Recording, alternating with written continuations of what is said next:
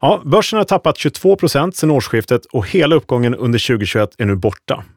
Det är många som tycker det är svårt att positionera sig den närmaste tiden. Ska det gå ner ännu mer eller ska det vända upp nu? Ja, det är svårt att svara på förstås, men här kommer ju optionshandeln till sin rätt. Vi går igenom hur du kan tänka när farhågorna växlar mellan en ännu större nedgång eller att man kanske missar vändningen uppåt. Så häng med!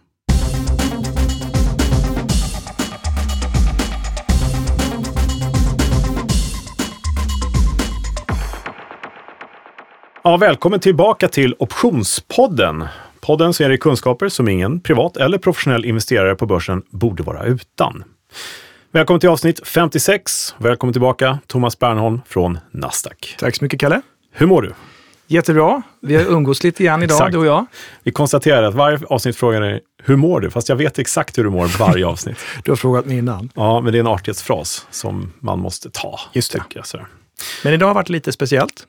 I och Ja, med att vi har jobbat tillsammans, varit ute på en liten dragning på en Mm. bank. vi jobbar faktiskt tillsammans ganska ofta, Det dagligen. Sådär. Men idag har vi varit och utbildat eh, yrkesverksam optionshandlarpersonal.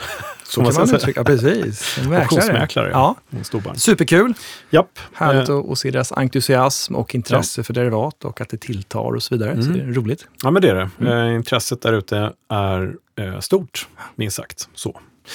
Eh, men du, eh, vi pratar om börsen eh, och i det stora hela här så är det ju som så att många är lite skadeskjutna trots allt, förstås. Är det ju. Jättemånga. Och det kommer mycket frågor kring det. Mm. Så vi ska ägna avsnittet idag till hur vi kan tänka, hur vi kan göra och faktiskt ta våra kära optioner då till sin kanske fulla rätt, om man Mm. säger så. Mm. Bästa användningsområdet kanske. Mycket bra. Eh, ja, men visst. Börsen har gått ner eh, 25 procent, var nära att säga det i eh, introsnacket. Men det är 22 procent. Det har faktiskt studsat tillbaka lite. Mm. Och det kanske är det som ger det svåraste läget av alla. Eh, många som tänker att nu hoppar jag på tåget igen så jag inte missar uppgången. Kommer det något litet bakslag här, inte alls omöjligt. Idag när vi pratar här så går det faktiskt upp på börsen och det, då känns ju allt bra. Mm. Vi vet ju alla att det kan faktiskt vända neråt snabbt igen och det är mycket triggers i marknaden med inflation och Ukraina och sånt som kan ställa till det. Mm. Absolut. Hur ska vi tänka då, ska vi prata om idag. Bra. Det är Eh, ett bra tema. Jag måste säga det också att många, eh, jag vet inte hur mycket information jag insuper då av analyser på, eh, ja, på marknaden, i tidningar och i media och internet och tv och sådär. Och eh, man har hört flera gånger och säga att det är en annorlunda situation för börsen den här gången, plötsligt. Och varje nedgång, vi kan börja där, innan, vi- så här, varje nedgång när vi Ja, men det var corona gick det ner, pang, och så gick det upp igen. Och det var ju en väldigt unik situation, eller hur? Därför då var det ju ett virus över hela världen. Det har vi aldrig varit med om förut. Eh, finanskrisen 2008, ja då gick ju världens största bank, en jättestor bank som heter Lehman Brothers, gick ju i konkurs. Det har vi aldrig heller sett förut, att det faktiskt, eh, ja det var ju så pass illa så att hela, det var ju snackat hela finanssystemet i sig höll på att implodera där. Det hade vi inte heller sett förut och det var illa. Och sådär. Och nu är det då ett nytt krigsläge tyvärr och inflation och stagflation.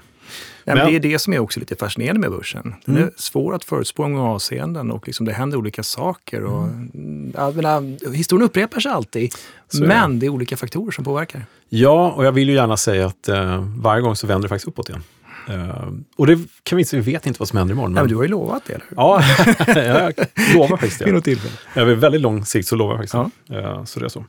Nej, men så att vi ska prata lite grann om eh, marknadstro så att vi liksom fokuserar lite bättre kanske i sådana här tider när man blir lite räddare, när man blir lite, eller räddare, man blir lite mer återhållsam med sin risk och man kanske backar tillbaka hellre än att agera och sådär.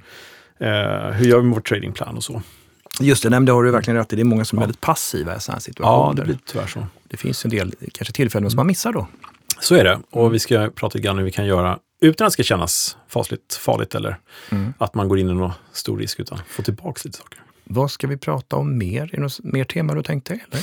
Eh, ja, du, eh, ja, det finns väl alltid någonting i gömmorna här. Mm. Eh, vi kan prata om utbildningar. Mm. Eller var det något Ja. du tänkte på? Ja, det var en liten ledande fråga. Det är en Ja, stor dag idag kan man säga. Jaså, jaha, du tänker på Ska vi köra en cliffhanger? Ja. Du och dina cliffhangers. Nej, det var du förut. Där stängde typ fem eh, lyssnare av sig. Ja, exakt. Nej, men eh, vi tar en cliffhanger. Ja. Eh, det är en stor lansering idag, det är det du är ute efter. Just det. Förstås ja. Det var dumt av mig att jag inte kom på det. Det är lite pinsamt. Nej, men vi tar det. Ja. Eh, vi tar det efter eh, saker och ting här och det behöver inte ta så lång tid. Nej. Vi börjar med att kolla marknaden, eller? Det gör vi. Ska vi göra det? Ja. Hur allting ser ut egentligen. Perfekt. Då gör vi det. Mm.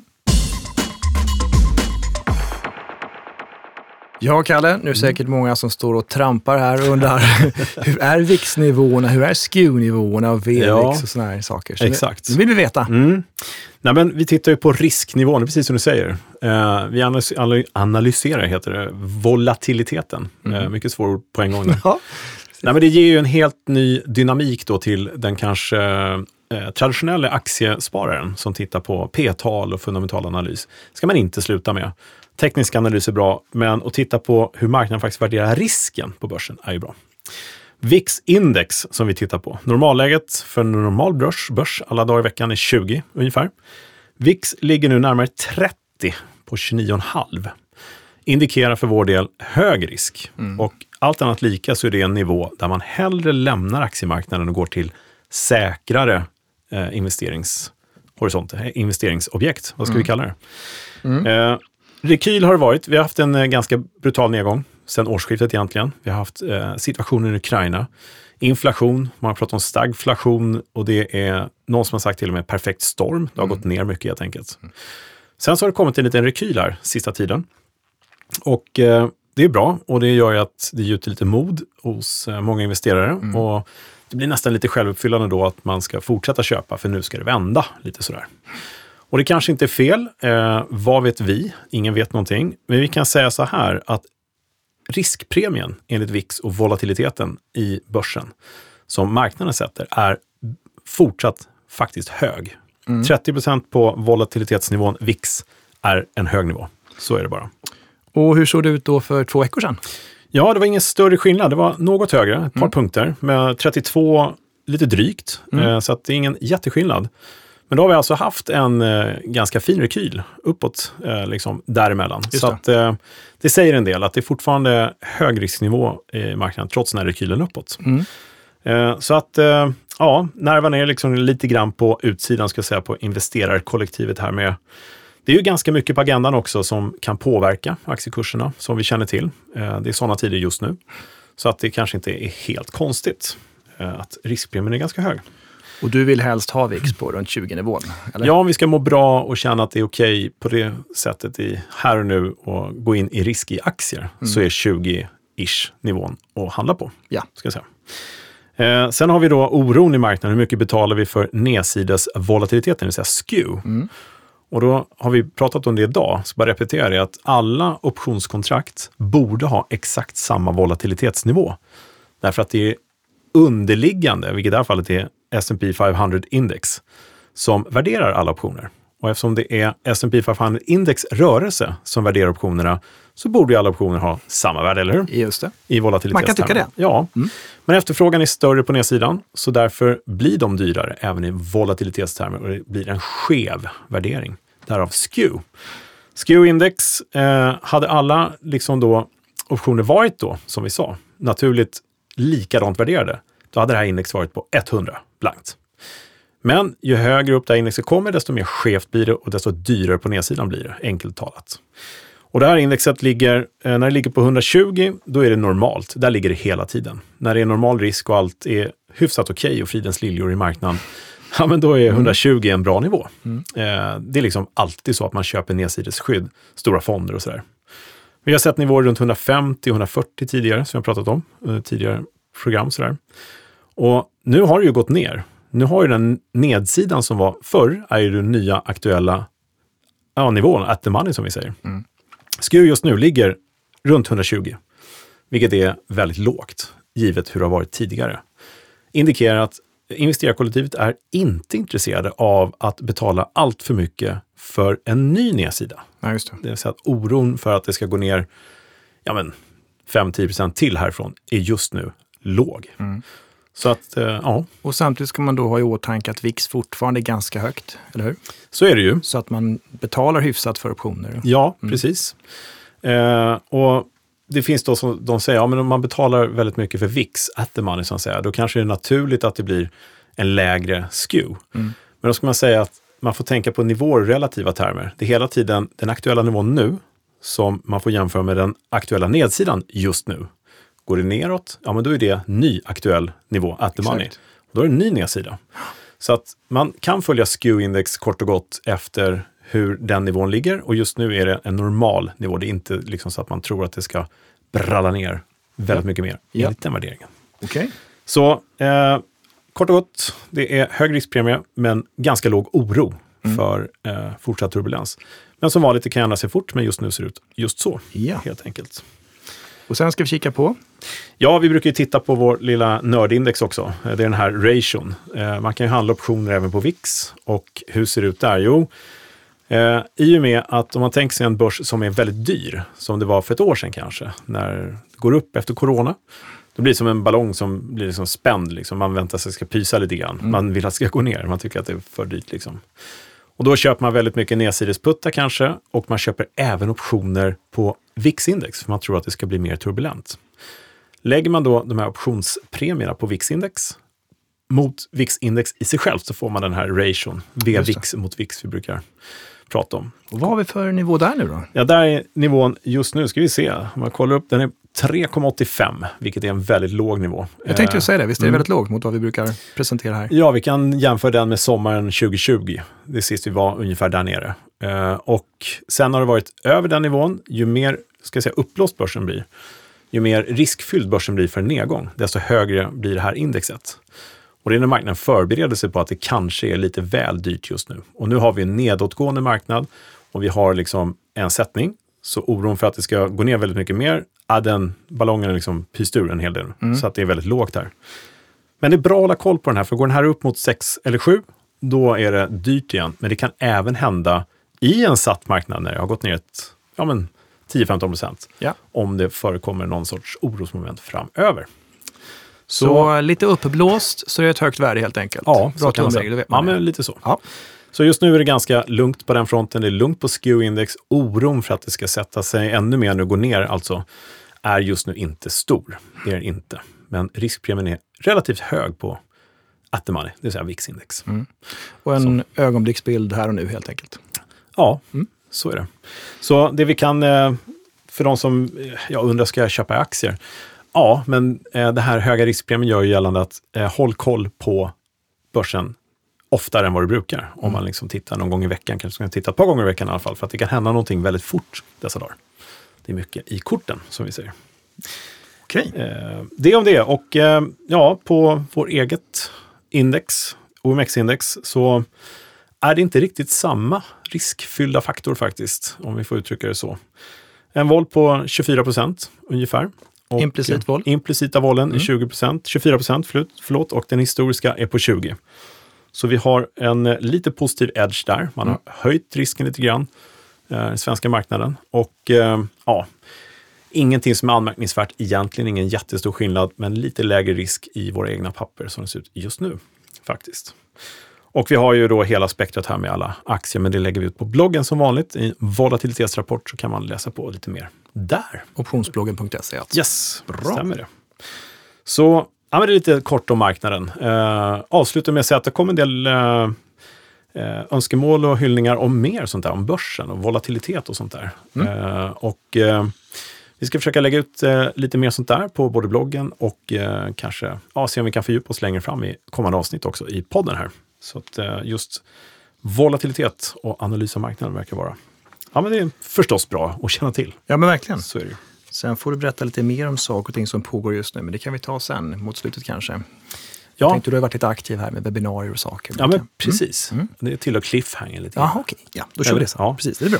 Ja, men det är bra. Men du, ska vi gå igenom temat då och reda ut lite grann vad man kan göra i en mark... Vad, säger vi? En, en börs i fallande trend. Det vill säga, vad gör du när det har gått ner 25 procent eller så? Och hur agerar vi då? Mm. Lite tankar. Ska vi kolla? Ja, Gör vi det? bra. Ja, Kalle, dagens tema. Mm. Strategier för en marknad i fallande trend. Eh, inte helt lätt att hitta rubriken på det här, men helt enkelt, ja men hur tänker man när börsen har gått ner 20-25 procent någonstans där och man ser att värdet tappar mycket, liksom, de tappar mycket värde ska jag säga, i portföljen. Mm. Hur gör man liksom? Eh, och det är lätt hänt att man agerar liksom lite grann i panik. Och det är ju inte så bra. Nej. Så eh, ja, vi tänkte att vi skulle prata lite grann om det. Och till att börja med ska vi ta det som är lite grann utanför optionshandeln, för det måste man nästan göra. Hur tänker vi när det här har hänt? Och, eh, Du tänker rent psykologiskt? Liksom. ja, lite grann. Och Yes. Jag tror faktiskt vi ska börja med den här fem saker att göra när marknaden fallit mer normalt. Vi börjar med den. Eh, och det första är ju de här två. Motstå tanken att sälja i panik.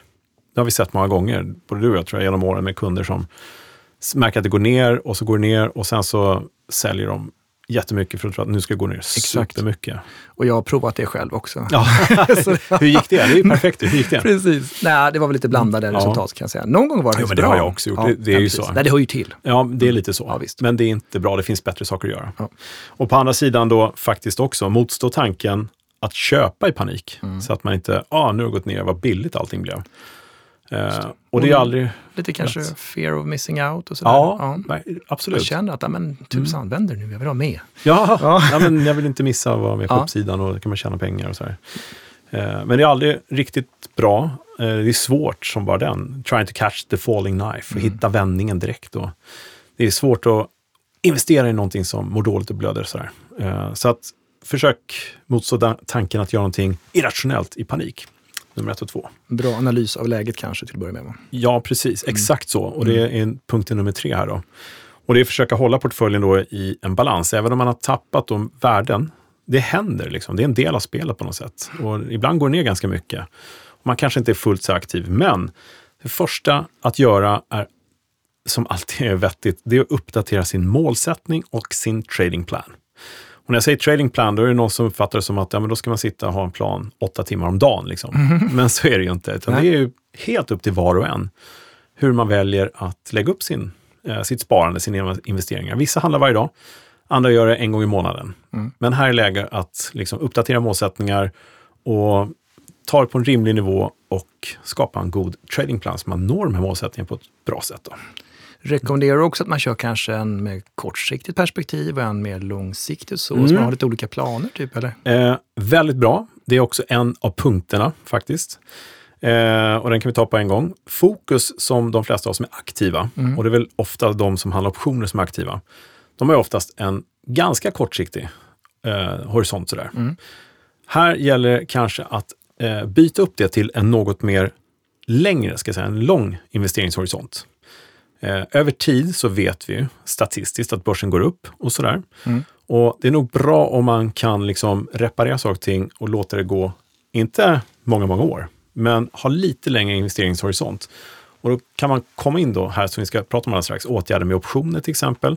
Du har en grundportfölj, du kanske har aktieinnehav som är stabila. Du låter dem vara och sen så kryddar du din portfölj istället med stabila, riskkontrollerade optionspositioner istället. Och lugnt och sansat går mot din målsättning med en bra tradingplan. Så precis, du har helt rätt. Investeringshorisonten i tid, inte så kortsiktigt utan försök få det lite längre i åtminstone en del av portföljen. Ja.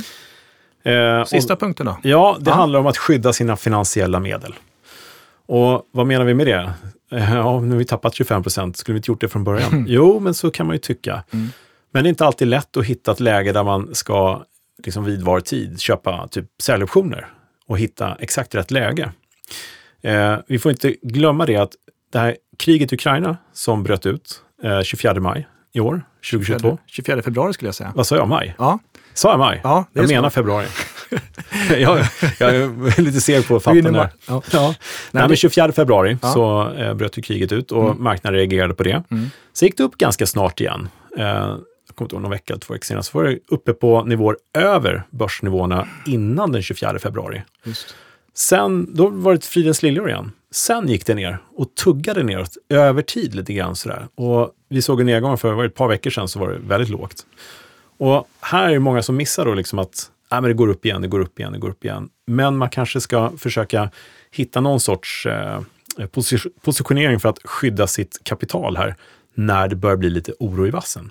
Här kommer ju nu volatiliteten och skew och alla de här som vi pratar om in till sin fulla rätt. För här har vi haft indikationer hela tiden på att det varit liksom efterfrågan på nedsidesputtar och sånt där. Man kunde nästan se, ja, inte helt och hållet, men man kunde få lite indikation i alla fall på att risken ligger kvar där ute. En liten fingervisning. Ja. Mm. Och då kan man ta åtminstone små positioner. Man kan göra en covered call, Mm. man kan göra så här. Vi ska gå igenom lite grann alldeles strax vad man kan göra. Och viktigt också, det här ska vi göra enkelt. Vi ska inte ha några avancerade strategier här. Utan Nej. nu ska vi hålla det enkelt, kort och koncist och vi ska bara se vad man kan göra i det praktiska. Sådär. Så här är de fem punkterna som man kan göra. Motstå tanken sälja panik. Motstå tanken köpa panik. Håll portföljen i balans, uppdatera målsättning och din tradingplan.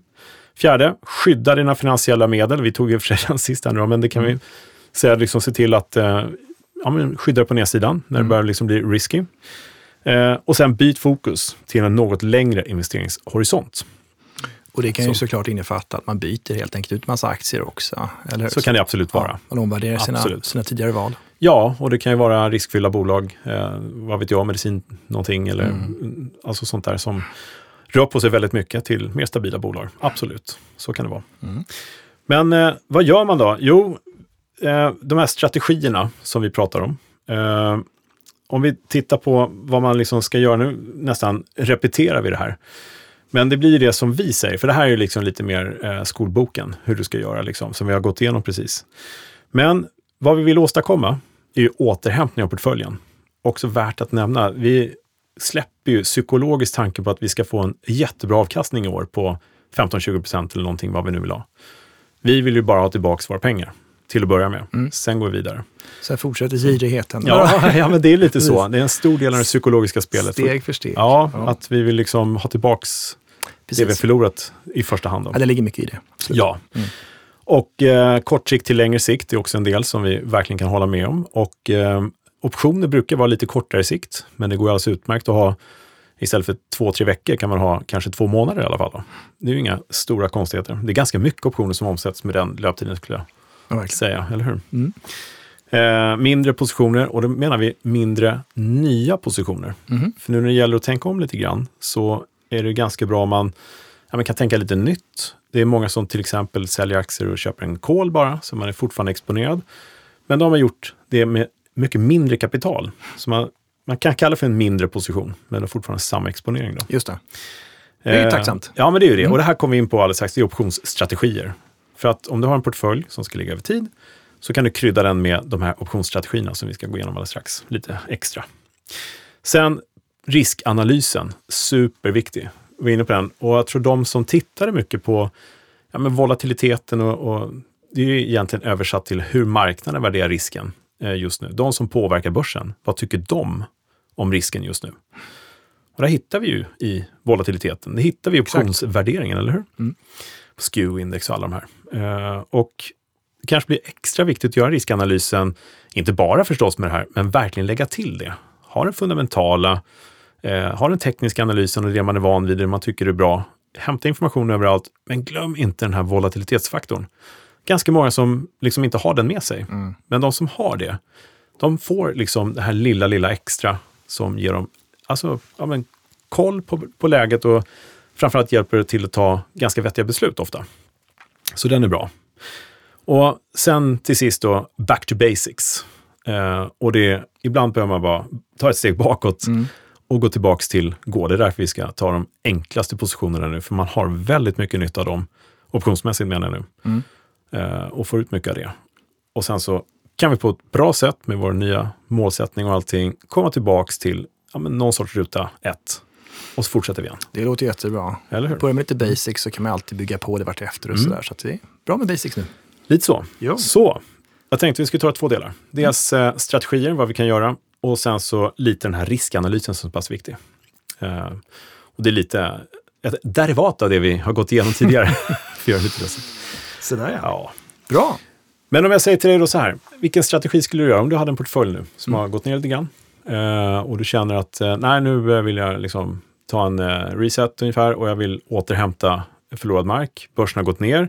Visst, du kan sätta dig och vänta i, ja, hur lång tid tror du kan ta innan börsen är tillbaks till ja, men all time high. Just kan det. Du menar att jag kan år. leva med risken nu, så att Mm. eh, jag behåller min portfölj, men vill eh, återta lite mark.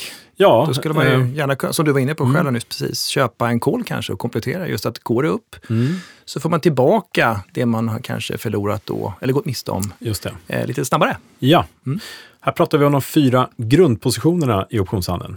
Eh, de är ju faktiskt ganska elementära, enkelt förstå sig på. Köper en call eller bara så har du en väldigt, väldigt kontrollerad risk i den betalda premien. Inga konstigheter.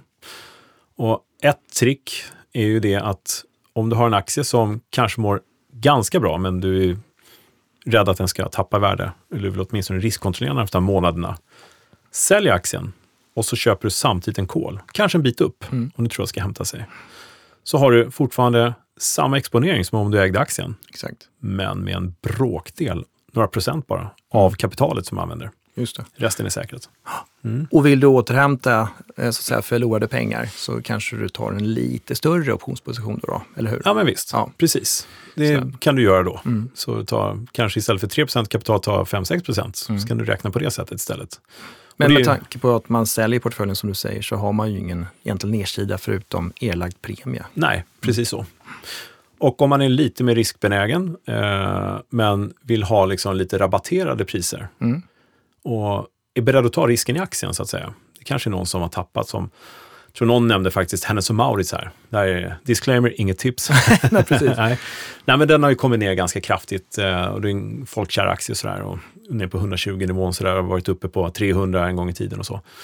Eh, och då kan man ju faktiskt sälja en putt, sälja säljoptionen. Det vill säga sälja rätten till någon annan och sälja aktien till dig. Och då får du ju faktiskt en premie betalt till dig. Mm. Och ja, kan vara några kronor, beror på vilken nivå förstås. Men då har du ju summa med en rabatterad ingångskurs i aktien mot vad det ligger just nu. Eh, och rör det sig inte alls, då behåller du premien, kan du göra om det igen, så har du två strategier igen så att säga. Så du tjänar på en stillastående marknad också om det skulle vilja sig så. Just det, Eh, så det är nästa trick då liksom för att kunna få in en aktie över tid. precis. Och sen såklart vill man då att det ska man dra fördel av en uppgång, då kanske man också köper en kol samtidigt som man utfärdat en putt. Just det, Mm. kan man också göra. Och då kan du börja bygga lite grann, bygga lego. Mm. Lite så, eller hur? Det bidde en sned syntetisk kamin. ja, precis. precis. Ja. men så kan man göra utan att försöka liksom skapa svåra strategier här nu, så kan man ju verkligen tänka så. Att du liksom bygger vidare. Eh, jag skulle precis nämna covered call, att du mot ditt aktieinnehav minskar risken genom att du säljer en call emot din aktie. Just det. Helt enkelt säljer rätten till någon annan att köpa dina aktier till ett pris som du väljer inom en tid som passar dig bra. Det tycker jag är jättebra. Du nämnde Mm. ju den utfärdade säljoptionen, du nämnde covered callen. Och säg att jag kanske vill köpa 2000 aktier. Då kanske det är så att jag utfärdar säljoptioner Mm. motsvarande 1000 aktier. Sen köper jag 1000 aktier och gör en covered call också. Just det. Då har fått in en del premie. Ja. Och då har jag fått en liten buffert. Det kan röra sig lite grann Mm. utan att jag börjar förlora. Så är jag med på uppsidan en bit i alla fall. Precis, så du delar upp liksom ditt kapital som du tänker investera i en aktie på två olika sätt, Mm. helt enkelt. Mm. Och så utgår du från det. Det kan vara ett fantastiskt sätt att göra det på. Eh, och sen i din covered call så har du ju till exempel, då ska vi säga, risken kvar i aktien. Mm. Och nu är börsen lite stökig så man känner att ja, men det är bra, jag får in premium där på någon uppsida kanske i kolen som är sålt. Men om det går ner här nu, risken kvar i aktien, ja, då kan du då göra det vi kallar för FENS. Vilket också är en strategi, men det är ganska enkelt. Du bara kompletterar med en försäkring på ja, nedsidan någonstans. Du köper helt enkelt en säljoption på nedsidan. Går det ner, ja, då kommer du liksom kunna ha rätten att sälja där nere och du kommer behålla en del av den kanske eventuella vinst du har kvar i aktien. Exakt. Och där kanske, vad pratar vi om för löptider ungefär? Ganska kort va? Ganska kort, jag skulle dock inte, ja det beror helt på. Mm. Du, du får välja själv. Nu säger jag att det ska vara lite längre löptider kanske, lite Mm. längre riskbild eh, på det hela. Mm. Eh, Men det kan vara så att aktieinnehavet är det långsiktiga. Och Exakt du har så. ett temporärt skydd i form av fens, yes, så kan det vara. Så kanske man då utfärdar med en månads löptid. Ja. någonting sånt där. Så gör man det på nytt och på Just nytt det. och kanske flyttar upp positionen. Yes, och det här, här blir det ju en mekanik som passar dig allra bäst. Liksom. Precis. Och säg att du äger, vi tar tusen Ericsson-aktier och så känner du att men Ericsson, ja, den ligger på en nivå som jag känner är, ja, jag vill skydda mig liksom, eller någonting. Mm. Och då säljer du en kol kanske någon procent eller två upp och då är det kvar risken i aktien. Och säg att du har den kolen du säljer två månader framåt. Då får du lite tidsvärde i premien åtminstone. Och sådär. Men du är fortfarande orolig de här två månaderna, kanske under närmaste veckan, att det kommer någonting i Ericsson så det ska gå neråt. kan du ju köpa en veckoption, en putt. Mm. Den kostar ju ganska lite då med väldigt, väldigt kort tidsvärde. I kronor sett ja. Ja, och då är du fram till onsdag när rapporten kommer eller Just det. är något kapitalmarknadsdag eller någonting annat som brukar i och för sig vara positivt. Men du vet, om det är exakt. någonting som du känner är lite risky, Ja, men det är jättebra. då kan du billigt köpa en försäkring på den här sidan. Då. Det känns som att vi återknyter lite grann till vad du pratade om inledningsvis. Du har en långsiktig plan i form av Mm. aktieinnehavet och Mm. det kortsiktiga ligger här i optionerna som du förnyar kanske varje månad. Yes. Ja, men så är det ju. Mm. Och det var hela andemeningen att gå från kort till lång sikt. Det handlar ju om att låta börsens återhämtning som vi hoppas kommer jobba för dig. Men om den inte riktigt kommer dit, återhämtningen, liksom, Mm. där du vill att den ska komma typ så fort som möjligt, så har dina optioner som du kanske från ja, men kort till medellång sikt åtminstone krydda portföljen med. Och det kan ju liksom ändra dina innehav i portföljen. Och där får du komma in med din gameplan och din målsättning och planering då förstås. Så att du får ihop hela bilden, hur du vill ha det. Just det. Eh, Så att det behöver inte bli så avancerat och eh, både köpa, sälja en call eller köpa, sälja en putt kan ju verkligen komma till sin rätt här. Mm. Och det är lätt att förstå sig på. Eh, Men måste bara ta en strategi dock som jag tycker är väldigt vettig. Eh, För köper du en vanlig call, säg att du säljer en aktie så köper du en call. Då är du ju fortfarande exponerad på uppsidan, eller hur? Och det är bra. Men du kanske känner att nej, men här aktien den kommer att återhämta sig, men kanske inte så mycket. Den kanske inte återhämtar sig i de här 20 procenten kommande månad eller något sånt där. Utan jag tror att den hämtar sig 3% 4% Då ska du naturligtvis göra en call spread. Exakt. Du köper en call och säljer en annan call lite högre upp, så du låser in då en nivå på 3-4 procent. Mm. Betalar mindre netto. Ja, Exakt. Ja, men den är ju riktigt bra. ja den är ju det. Och, och som jag pratade om tidigare, varför betala för någonting som du inte riktigt tror på? Du tror inte det kommer gå upp så jättemycket. Mm. Nej. Och på en nivå där du känner dig bekväm, där utfärdar du den. Just det, precis. Och, Så. och sen också, vi också pratat om flera gånger tidigare, som också Nikos från Atlantfonder, Mm. vår, vår gäst här, han sa det också, Ja. att det kan ju bli så att han köper en option och sen så blir det en kolspread på slutet, eller blir det någonting sånt där. Ja, just det, precis. Bygga vidare ja. Ja, så man kanske tar Ja. eh, ben för ben också. Ja, men det, det är en klok tanke. Det har vi varit inne på som sagt tidigare. Det är att du kan börja med en mindre position, som vi sa alldeles nyss också. Mm. Du börjar med kanske ja, men halva din position hade tidigare eller ännu mindre. Mm. Och så bygger du upp den, märker att det går åt rätt håll. Ja, men då är ju trenden med dig. Då kan du fortsätta, kanske köpa en till option eller ett till kontrakt eller någonting sånt där och Just det. bygga vidare då. Och till slut så, ja, kanske det blir en bra och vinstgivande position. Så call spread är bra och även put spread på nedsidan förstås också om man tror på en begränsad nedgång eller ska gå ner lite grann extra och sådär. Just det. Mm. Nu sa du att vi inte skulle prata så avancerat heller. Och det, det, Nej, det är svårt göra. Ja, men det kan vara värt ändå att nämna att Mm. mm. FENS, eller collar som vi säger också, Mm. Det, det ser väldigt mycket likt ut som en kolspread. Man Så är det. ritar upp det, så det, det kan vara bra att tänka på också. Ja, och den som är intresserad av det tycker jag ska precis rita upp det. Ja. Eh, rita en call spread och så rita en fence. Ja. Det blir. Nej, men det är inte konstigt eh, egentligen. Jag tror vi har det här i kursportalerna som vi eh, visar just nu också. Så att, eh, mm. det här är intressant, för då får man ihop helheten. Men man behöver inte gå så långt, ska jag säga. Man, behöver inte, man, man kan i det lilla jobba med kol och putt enbart liksom, Exakt. mot sin innehav här. Är lite tanke, för nu ska vi laga saker och ting. Precis. Lite så. Bra. Ja, så att eh, där, jag tycker vi nöjer oss där faktiskt med eh, Strategier? Ja, Ja. lite så. Yes. Eh, och vi har ju ganska mycket att, att liksom ta av bara där. Och jag tror att man bara sätter sig ner och gör sin eh, målsättning och sin tradingplan och blandar in de här kontrakten så Mm. kan man hitta en bra och fin dynamik i sin portfölj över liksom kommande tre, fyra månader i alla fall och så tar man det därifrån. Precis. Så kommer man väl ur. Och eh, bra att verkligen titta igenom olika strategier. Vilken är det jag egentligen mm. blir bäst hjälpt av, så Ja, att säga. precis så. Men sen vet vi att det är andra som eh, hör av sig. De gör vaggor och de gör andra grejer. Och Mm. Ratios har vi pratat mycket om och det kräver ju lite extra kalkyler och sånt där. Mm. Inget fel i det, absolut inte. Men, och de som vill det, de ska göra det.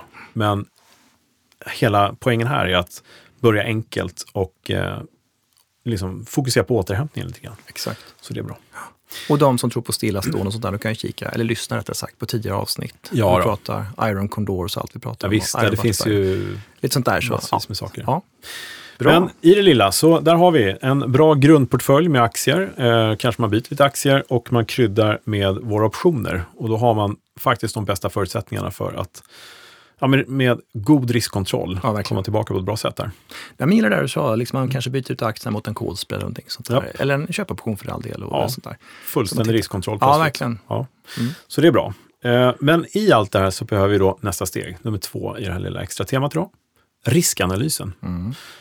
Och egentligen så kan man ju då som lyssnare bara stänga av nu, dra tillbaka spelaren typ 20 minuter eller någonting och så lyssnar man på börsen. Men vi ska ta det bara lite enklare än så igen också, för där pratar vi om VIX, vi pratar om SKEW, vi pratar om VVIX och volatilitet och volatilitet och så här. Och eh, det kan ju vara så att många lyssnar på det och tycker att det är bra, men samtidigt kan det vara ibland lite förvirrande också, för att det kräver ju kanske att man tittar på de här sakerna. Så. Eh, och det första med riskanalysen, vi ska ta det väldigt basic, eh, det är din privata marknadstro. Och det brukar jag säga på webbinarier och på föreläsningar och sånt där att eh, det är ingen som kan ta din marknadstro från dig. Lite så, ja, precis. förutom du själv. Ja, jag Ja. bär det inom mig. Ja. ja. Men du kan påverka så himla mycket av vad andra säger och vad andra gör. ja, men det, Ja. det är jättesant verkligen. Mm. Och det kan vara skadligt ibland. Eh, man ska verkligen lyssna på allt. Man ska till all, all information man kan, men man ska aldrig släppa liksom sin egen marknadstro lite grann sådär. Behöver man inte gå in då stenhårt och tro att kanske, ja men, vad vet jag, GameStop ska gå upp 700 000 procent och köra på det. Det kanske inte är sannolikt. Men om man har en känsla i liksom vad man tror på, så bibehåll den till viss del. Hittar du information där allting motsäger det och du hittar information som säger att konkursmässigt bolag, då kanske det inte är så bra längre. Men då kommer du känna det. Hänger du med? Gör inte som andra gör blint. Uh, gå inte bara på rekommendationer som läser tidningen, utan få en bild av liksom, kassaflöden och sånt där fundamentalt och P-tal. Och, Mm. och något bolag vi hörde häromdagen som hade P3, var det någon som sa. Mm. Osagt vilket bolag. Men, eh, Exakt. så att det finns lite sådana här roliga saker att titta på förstås och det är bra. Men sen även då eh, ja, risknivåer på allting. Liksom. Mm. Vad är sannolikt helt enkelt? Mm. Släpp inte din privata marknadstro. Och, och står man där och tvekar ganska mycket så då kan man ju ta en liten position som du vinner på också. Så att man är med lite grann. Det känns ganska Ja. bra. Man fick rätt och var med lite grann i alla fall.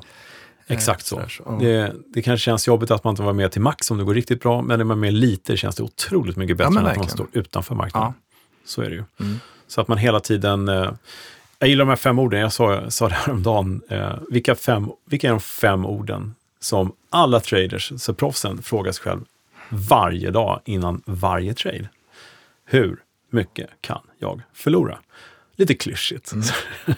Nej, men, Men- ja, men. Lite, lite så här, om man ställer sig den frågan, hur mycket kan jag förlora på det här? Ja. Istället för hur mycket kan jag tjäna på det här? Den psykologiska vändningen är ganska fantastisk. För om du går och fokuserar, ja, man kan förlora, betala 300 spänn för den här kolen. Det är allt jag kan förlora. Hur mycket kan jag tjäna? Ja, men det vet jag inte, men förmodligen så kommer det gå upp för jag tror på det. Mm. Men mycket. Nu ska jag ha målsättningar och allt det här, men förstår psykologiska tänket att vad kan jag förlora?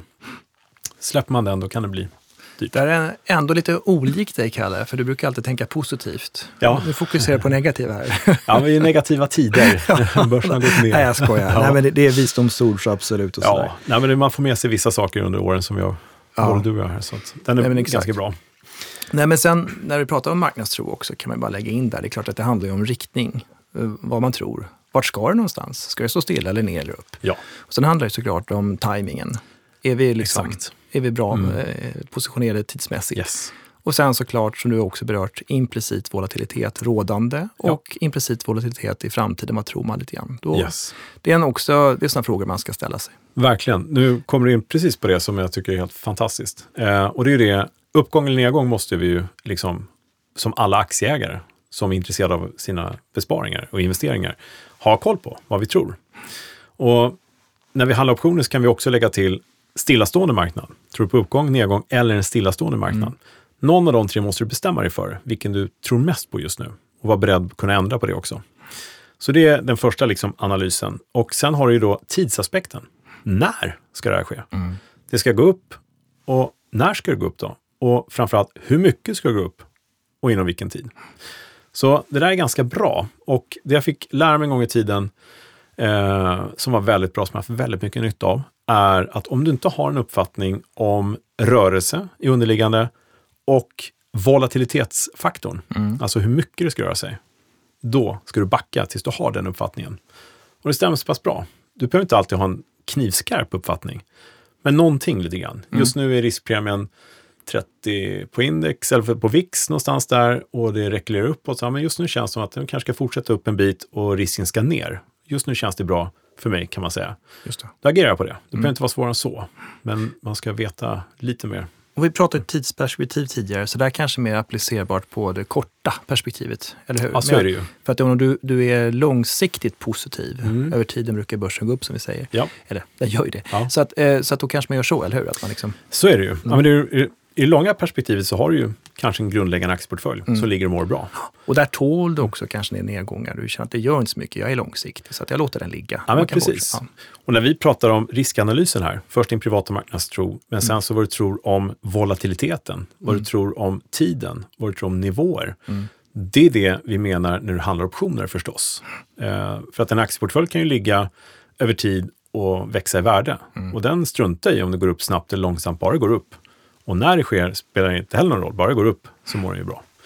Men när vi ska gå i våra tankar om att återhämta oss och hitta de här optionspositionerna, då måste vi veta riktning, vi måste veta vilken tid vid den här riktningen ska infinna sig och hur mycket. Har vi koll på de tre eller en bra uppfattning om det, eller som vi känner är rimligt och sannolikt i vår värld, då har vi alla möjligheter till att göra en bra strategi. Just det. Och det är som bekant inte alltid man har svaren på de frågorna. Men då Nej. finns det ju en del optionsstrategier som- som är ganska förlåtande som man kan applicera. Precis. Så att, eh, Och man får ha lite fel. Ja, men Ja. så är det ju liksom. Och det kan ju vara så att du har jättefel också, superfel. Och då Mm. Kan vet du att ändå det... tjäna pengar. Ja, ja men det, så är det ju. Det finns ju sådana strategier också. Ja, backspreads och, Ja. och sånt där, absolut. Eh, men i det här lilla enkla så kanske inte gör så mycket om du har tagit den här lilla positionen, köper en call i en ny aktie kanske som du tror du har tittat på länge, men du köper bara en call i den istället. Och du lägger ner eh, kanske några hundra spänn bara för att du ska vara med. Och den fortsätter rakt ner och förlorar alla hundra spänn. Det är kanske bättre än att du köpte liksom 500 aktier eller 100 aktier och det går ner. För då har du den positionen och den fortsätter blöda så att säga. Då har du full riskkontroll. Så att här har du ju all anledning att eh, titta då liksom på optioner. Så att eh, vi har riskanalysen, din privata marknadstro, det är ju liksom det första där inte falla in i för mycket vad andra tycker och tänker och lyssna på dem. Det känns bättre att vara med i flocken, vad alla andra gör. Så är det. Och det är ju faktiskt, om man går in och kollar psykologiskt, det är ju faktiskt så stora krascher skapas. Eh, när folk bara följer varandra hela tiden. Eh, har en fel längst fram och då hänger alla på. Och man ska ju förstås titta vad alla andra gör, men du ska liksom försöka ha din egen uppfattning intakt. Då. Historisk volatilitet och sen kommer vi då till edgen som vi kallar den. Hur har det rört sig fram till idag? Just nu är det en ganska kraftig rörelse. Eh, vad hade vi på index där i, i Sverige till exempel? Där hade vi en edge som var, eh, ja vad sa vi nu då? 24 på index va? Ja, visst var det. Eh, och sen så, ja det är bara att kolla. Nu ställer jag till det för Thomas, jag kollar här. 24 hade vi implicit vol på Just index. Och sen så hade vi historiskt på 20. Mm. Så det är fyra punkter edge, där marknaden har liksom eh, värderat upp risken på svenska OMX-index. Kommande liksom. Sådär. Och vad kan vi liksom dra för slutsats av det? Jo, är det större risk, då liksom är det kanske läge att ja, eh, sälja kanske någonting. Ska det gå tillbaks mot liksom den historiska? Har vi fått en edge som vi kan använda oss av? Så jämför den historiska implicita volatiliteten, inte bara på index, utan kanske de papper vi är intresserade av, så har vi en väldigt fin liksom, bild på vad marknaden, som ändå styr kurserna på något sätt, Precis. tycker om eh, risken just nu. Eh, så där har vi också en, eh, en bra liksom, parameter. Den är vi inne på varje dag också. Eh, varje dag. Varje gång, ja. varje gång vi pratar om Men du är inne på den varje dag, förutom kanske lördag, söndag eller? Ja, ja, eller? ja, ungefär så. ja, precis. Nej, men vi, vi pratar om det i varje eh, avsnitt här. Ja, exakt. Om, eh, eh, Eller du pratar, jag frågar. Precis. Ja. Och så lägger vi upp den på bloggen också. Eh, Men det här är väldigt bra. Eh, Titta på volatilitetsfaktorn, för det indikerar verkligen vilken risk det finns i varje bolag just nu Mm. och hur vi kan agera där. Ett par ord där om historisk Mm. volatilitet. Det har ju varit väldigt stökigt, inklusive den här stora nedgången där måndagen för Ja, just sedan. det. Så, att det är klart att historiska vollan är väl ganska hög ändå. Ja, så är det ju. Precis. Den räknas med där ja. Mm. Eh, och det var någon som frågade om eh, Swedish Match här till exempel. För där har du ju en, eh, eh, jag för mig att historiska vollen var jättehög, på 72,6 procent är den, medan den implicita vollen är på 20 procent. Ja, ja. Och det är ju en hysterisk edge på 52 procent där då. Ja, precis. Ja, du bara räkna fel. Nej, för alla som följer Swedish Match då vet jag att det kom ett bud där och den stack ju rätt upp. Och faktiskt, även om det går upp som ner, så blir det ju en hög volatilitet. Just det. Sådär. Och här pratar om att det är en negativ edge då på drygt 50 procent. Ja, precis. Negativ edge, ja, Exakt, precis. ja. Eh, För risken som marknaden sätter är 20 procent, Ja. fullt normalt. Och det kanske inte är så hög risk om ett bolag håller på att bli uppköpt. Nej, exakt. Och historiska vålan rör sig extremt mycket så att då stiger det värdet. Exakt. Just så är man inne och tittar på de här och man ser en sån här jätteavvikelse, ja, men då kan man kanske Då förstå. ringer man och felanmäler till dig. Eller? Ja, du räknar fel. Ja, Ja. Nej, förlåt. Ja, men då, då vet man ju liksom att ja, men här har det hänt någonting. Ja. Eh, och Swedish Match är det uppenbart. Det kom ett bud liksom. Och det är klart det är ingen hög risk i det. Nu vet man ju liksom exakta värdet. Sen är det inte säkert att det går igenom allt sånt Ja, det där. Så sant. finns en risk kvar och, och så, här, Sant. så det finns ju en viss... Det behöver inte gå igenom förstås. Nej. Men det är om det. Vi ska inte orda för mycket om riskanalys. Vi ska runda av det lite grann. Eh, historisk mot eh, implicit volatilitet, edgen, kanske mer användbar än vad man har tänkt på om man inte har tittat på den. Och lägga till den då i ekvationen för återhämtning. Det är kanske extra viktigt när det är liksom en nedåtgående trend, en fallande trend i marknaden som vi säger, så är kanske den här som allra bäst och mest eh, liksom, fördelaktig att titta på. Ja. Hur värderar liksom, eh, marknaden helt enkelt volatiliteten just nu och risken i respektive bolag och index? Så här har vi en bra användning. Mm. Sen eh, ja, har jag förstås skrivit SKEW och VVIX och de här som vi har sagt tidigare. Jag är inte förvånad. Nej, Nej. men jag ska Bra. inte orda för mycket om det, ska jag inte göra. Men det ska man lägga till i sin stora marknadsanalys förstås. Ja. Som vi säger i varje avsnitt. En, en liten fråga här om Mm. edgen också. Att om edgen, alltså en positiv edge, är väldigt hög, Mm. det vill säga historiska volatiliteten är ganska låg och implicita vådan är ganska hög. Mm. Är det någonting man ska liksom tänka på då? Är det så att man kanske kan fundera mer på att sälja optioner? Liksom, man, Mm. Kommer kanske inte röra sig så mycket. Eller är det så att man befarar Ja. jättemycket rörelser i framtiden? Eller? Ja, men som trader tänker man ju om det finns en anledning till att börja med att det är hög risk i Mm. bolaget, sådär, Mm. om man har höjt risken så. Så Är det du försöker identifiera anledningen då? Där? Ja, som i Swedish Match. Ja. Varför det ser ut som det gör där? Ja, Ja. men det är uppköp och det är det. naturligt. Liksom. Ja. Så det gör man i alla aktier förstås. Är det något som har hänt? Är det någonting som har varit dåligt resultat? Har vinstvarning? Någonting sånt där? Då Exakt. brukar det vara tydligt som bara den ju. Mm. Hittar man ingenting egentligen, utan marknaden kanske bara, nej men nu är den branschen, eh, banker eller telekom Mm. eller skog eller någonting, eh, ja men lite risky business. Då höjer man kanske upp risknivån och det kanske finns en anledning som inte är så lätt att hitta. Mm. Det som händer då är om det bara är spekulation från marknaden lite grann. Vissa kan ju bara hänga på och värdera upp optioner precis som bara för alla andra gör det. Mm. Då kan man ju faktiskt tänka sig att ja, jag säljer en covered caller, jag utnyttjar en hög premie med en hög volatilitet. Ja. För då är det kanske sannolikt att den faller tillbaka lite grann. Det var det jag for lite grann efter. Ja. Ja. precis. Och så kanske man ska tänka då. då. Så kan man tänka, Ja, som en liten vägledning. Ja. Ska säga. Men förstås titta först, vad kan det finnas för anledning att det är så högt värderat? Så att man inte...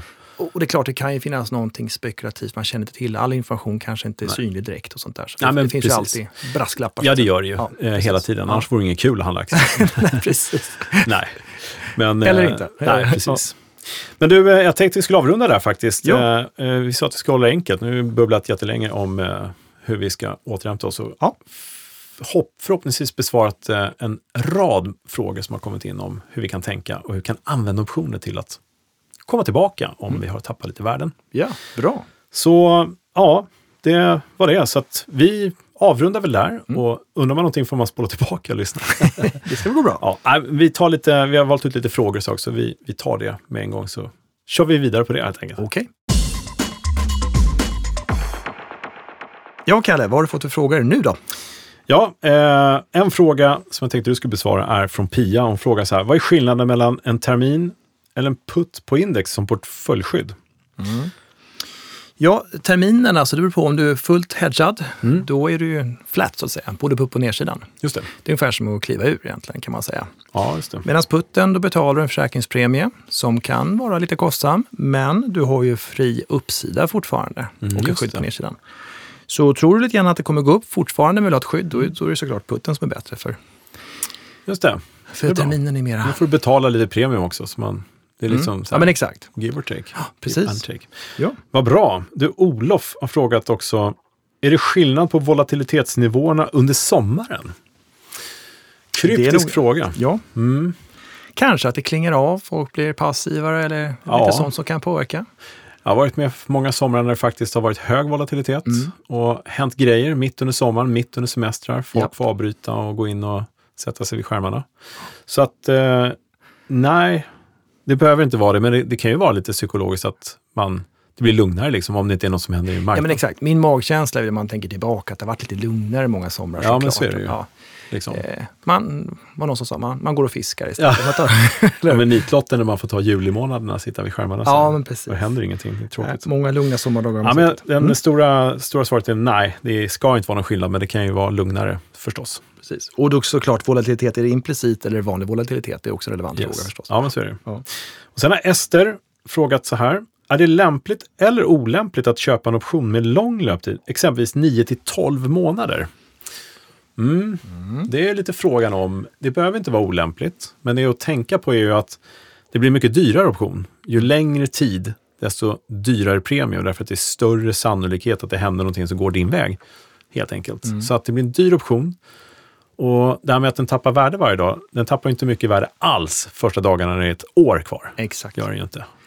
Nej, men det är en bra summering. Det är dyrare Ja. kronor sett. Ja, det är det är det. kanske billigare lite grann om man tittar, på implicit volatilitet. kan Mm. det vara. Ja. Och som du säger, eh, men, men en viktig sak kanske är att man ska nämna Vegat där, en av grekerna. Att Ja, just det. Vegat, Volatilitetsfaktorn ja, kan göra det dyrare. Precis, är ju Mm. större också. Det rör sig mer volatilitetsmässigt. Så det. det påverkas mer av implicit vol. Och jag tänker att på ett år i vår finansvärld kan hända väldigt mycket och just med en option så kan det, ja, både bli bra, bra dåligt förstås. Men, Ja. Men det beror på också vad man gör med den. Man kan ju ha Ja. tidsbredd och sådana saker. Och så att det kan vara bra att ha i botten liksom, Ja, men visst. jobba med. eh, lite, kräver lite mer och ha en sån lång strategi Ja. med vad man har underliggande och sådär. Men, ja, så att eh, det är varken lämpligt eller olämpligt ska jag säga. Det beror helt, helt och hållet på vad strategin är. ja. Men det går alltså utmärkt. Det Ja. finns ju upp till 36 månaders optioner att handla. Mm. Så att möjligheten Man kanske kollar också på att det inte är för stora spreadar och sådana saker i långa Ja, precis. Lite, lite sånt då. Men det, man får spana lite. Ja. Mm. Ja, men det var de frågorna vi hann med idag. Vi brukar ta tre stycken här. Det. Tack för alla som kommer in, brukar jag säga. Ska vi ta cliffhangern? Du har inte glömt den alltså? Nej, Nej. det eller ej, men jag kommer ihåg. Vad bra, då Ja. tar vi cliffhangern. Nej, men så här, Kör. vi har ju pratat, det är samma cliffhanger som vi har pratat om tidigare egentligen. Nu blir lyssnarna kanske besvikna. Jävlar. Ja, precis. Jag med. Men, Var det inget annat? du spelar ovetande. Ja. Nej, men det är så här att idag officiellt så Mm. lanserar vi Nasdaq Derivatives Academy. Och Kalles kurs här är ju redan live sedan några veckor. Just det. Men idag är det alltså officiellt när vi går live med eh, Derivatives for Professionals och den här riskkursen också. Just det. Så det är någonting ni ska kika på kanske. Det är mer för professionella och det är eh, Mm. betalkurser kanske. Det ska man lägga till också. Men eh, det är kul i alla fall. Och de är på engelska ska vi säga. Just det. Också. Nasdaq.com snedstreck derivatives academy. Eller varför inte gå in på optionsbloggen.se. Det är lättare att hitta. Ja, och optionskurs.nu Mm. kan man gå in på också, så Just kommer man direkt in i den här portalen. Så titta in där, det finns jättemycket spännande. Bra cliffhanger. Alla som ja, sitter jag tror att folk blir besvikna nu här. Det, Ja, det är lite. lite grann. Men idag är det officiell dag och pressrelease har gått ut i Ja, men det, och sådär. det är bra. det är superkul. Eh, det, ja, men det är kul, eh, vi ska säga att projektet är roligt därför att det finns en väldigt stor och fin vilja att utbilda och se till att alla får de här kunskaperna till sig på ett bra sätt så att Mm. vi kan minska risken i marknaden och att vi kan få folk att göra bra bättre affärer med, med liksom, ja, de möjligheter som bjuds. Just det. Jag tycker man ska börja med din kurs, Kalle. Ja, det tycker Mm. jag också. Och sen de här jag nämnde är ju ganska avancerade. Det finns väldigt, väldigt mycket. Mm. Vi pratar 10 timmar, 15 timmars utbildning. Och Ja, sådär. där får man ju allt, men det är för proffsen. Liksom sådär. Exakt. Och är man eh, mer privatsparare så går den här kursen som jag har gjort, då, som är optionskurs.nu, då har man ju, ja den är helt gratis och man blir inbjuden till webbinarier. Vi hade webbinarium här i förra veckan och kommer ha fler sådana och mycket aktiviteter. Man Mm. kanske blir inbjuden till börsen och lite sånt där. Exakt. Allting som är roligt bara Mm. och inte ska kosta för mycket. Precis, och det var det du skulle berätta igenom också, att du har kört webbinarier och det var stort det. intresse och sådär. Mm, det är roligt. Många deltagare. Och. Mm. Superkul! Ja, faktiskt. Mm. Men vi avslutar med eh, att säga så här. Problems are not stop signs, they are guidelines. Det har Andreas skickat in. Kom från Robert Schuller, Okej. avdelning Never Give Up. Problem är inte stoppskyltar, de är guidelines. Ja, jag har faktiskt bara läst den en gång tidigare, den var väldigt bra. Mm. Måste ha med ett ordspråk också. Bra. Trevligt när lyssnarna skickar in tycker jag. Lite så. Ja. Men du, eh, vi ska inte ta för mycket tid av lyssnarna heller här, utan vi ska avrunda Ja. och bara säga att tidigare avsnitt optionspodden.se har vi nämnt optionsbloggen.se typ 15 gånger. Jag tror det. Ja. Och eh, Twitter, att se Björkegren om man vill med någonting. Eller på Facebook, en Spiri Academy. Så det har inget mer att sälja, som jag brukar säga. Vi brukar nämna optionsplay.se. Ja, optionsplay.se. Jag glömde, glömmer alltid någonting. Ja. Men du, nästa gång har vi kanske en gäst med oss också. Det blir Ja. en cliffhanger vem det är. Det kan bli ganska intressant. För oss också. För oss också. Ja, vi hoppas att de kommer. Precis. Ja. Jag tackar för idag. Albin, tack så mycket där ute. Finka från kontrollrummet. Se till att allting funkar och styr upp oss här. Det är det som behövs. Så Bra. ja, Så önskar vi alla en trevlig kväll, eller Ja. när nu är ni lyssnar. exakt. Mm. Fortsatt trevlig dag, kväll, Ja, helg. morgon, whatever. natt, whatever. Tack så mycket. Hej. Fint bra. Tjena, Hej. hej.